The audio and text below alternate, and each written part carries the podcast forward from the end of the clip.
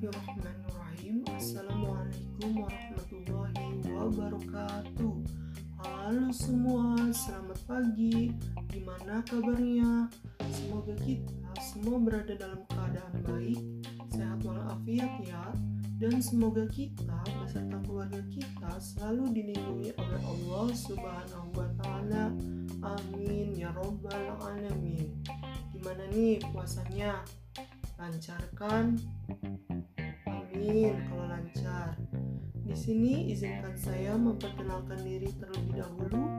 Perkenalkan nama saya Ikvan Rifai dengan NIM 1902045 dari kelompok 4 kelas PKN 2019A Fakultas Pendidikan Ilmu Pengetahuan Sosial Universitas Pendidikan Indonesia. Pada pagi hari yang indah ini, Alhamdulillah saya dapat berkesempatan mengomentari dan memberikan pertanyaan kepada kelompok 16 dengan anggota Devira Dwinta Maharani dan Winora Kiraina yang membahas chapter report mengenai tema Examining Community with Percentage Teacher from the Use of Participatory Photography Project. Menurut pendapat saya, saudari Winaura ini cukup jelas dalam menyampaikan materi melalui broadcast ini volume suara sudah pas, atau suara pun bagus, tetapi kurang semangat dalam menyampaikan materinya.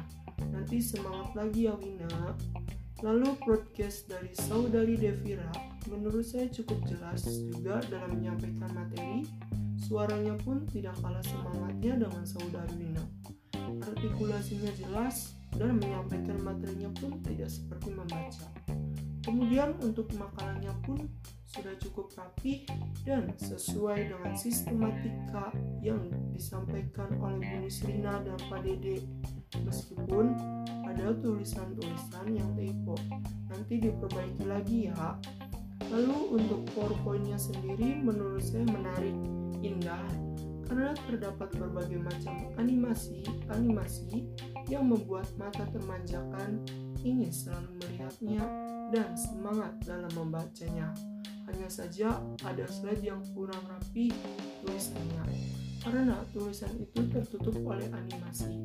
Saran saya jangan terburu-buru ya dalam membuat powerpointnya agar dilihatnya pun rapi.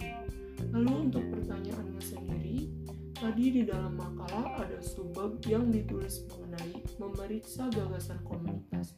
Nah, konsep ini menunjukkan sebuah batasan-batasan yang fleksibel dan dibangun secara sosial.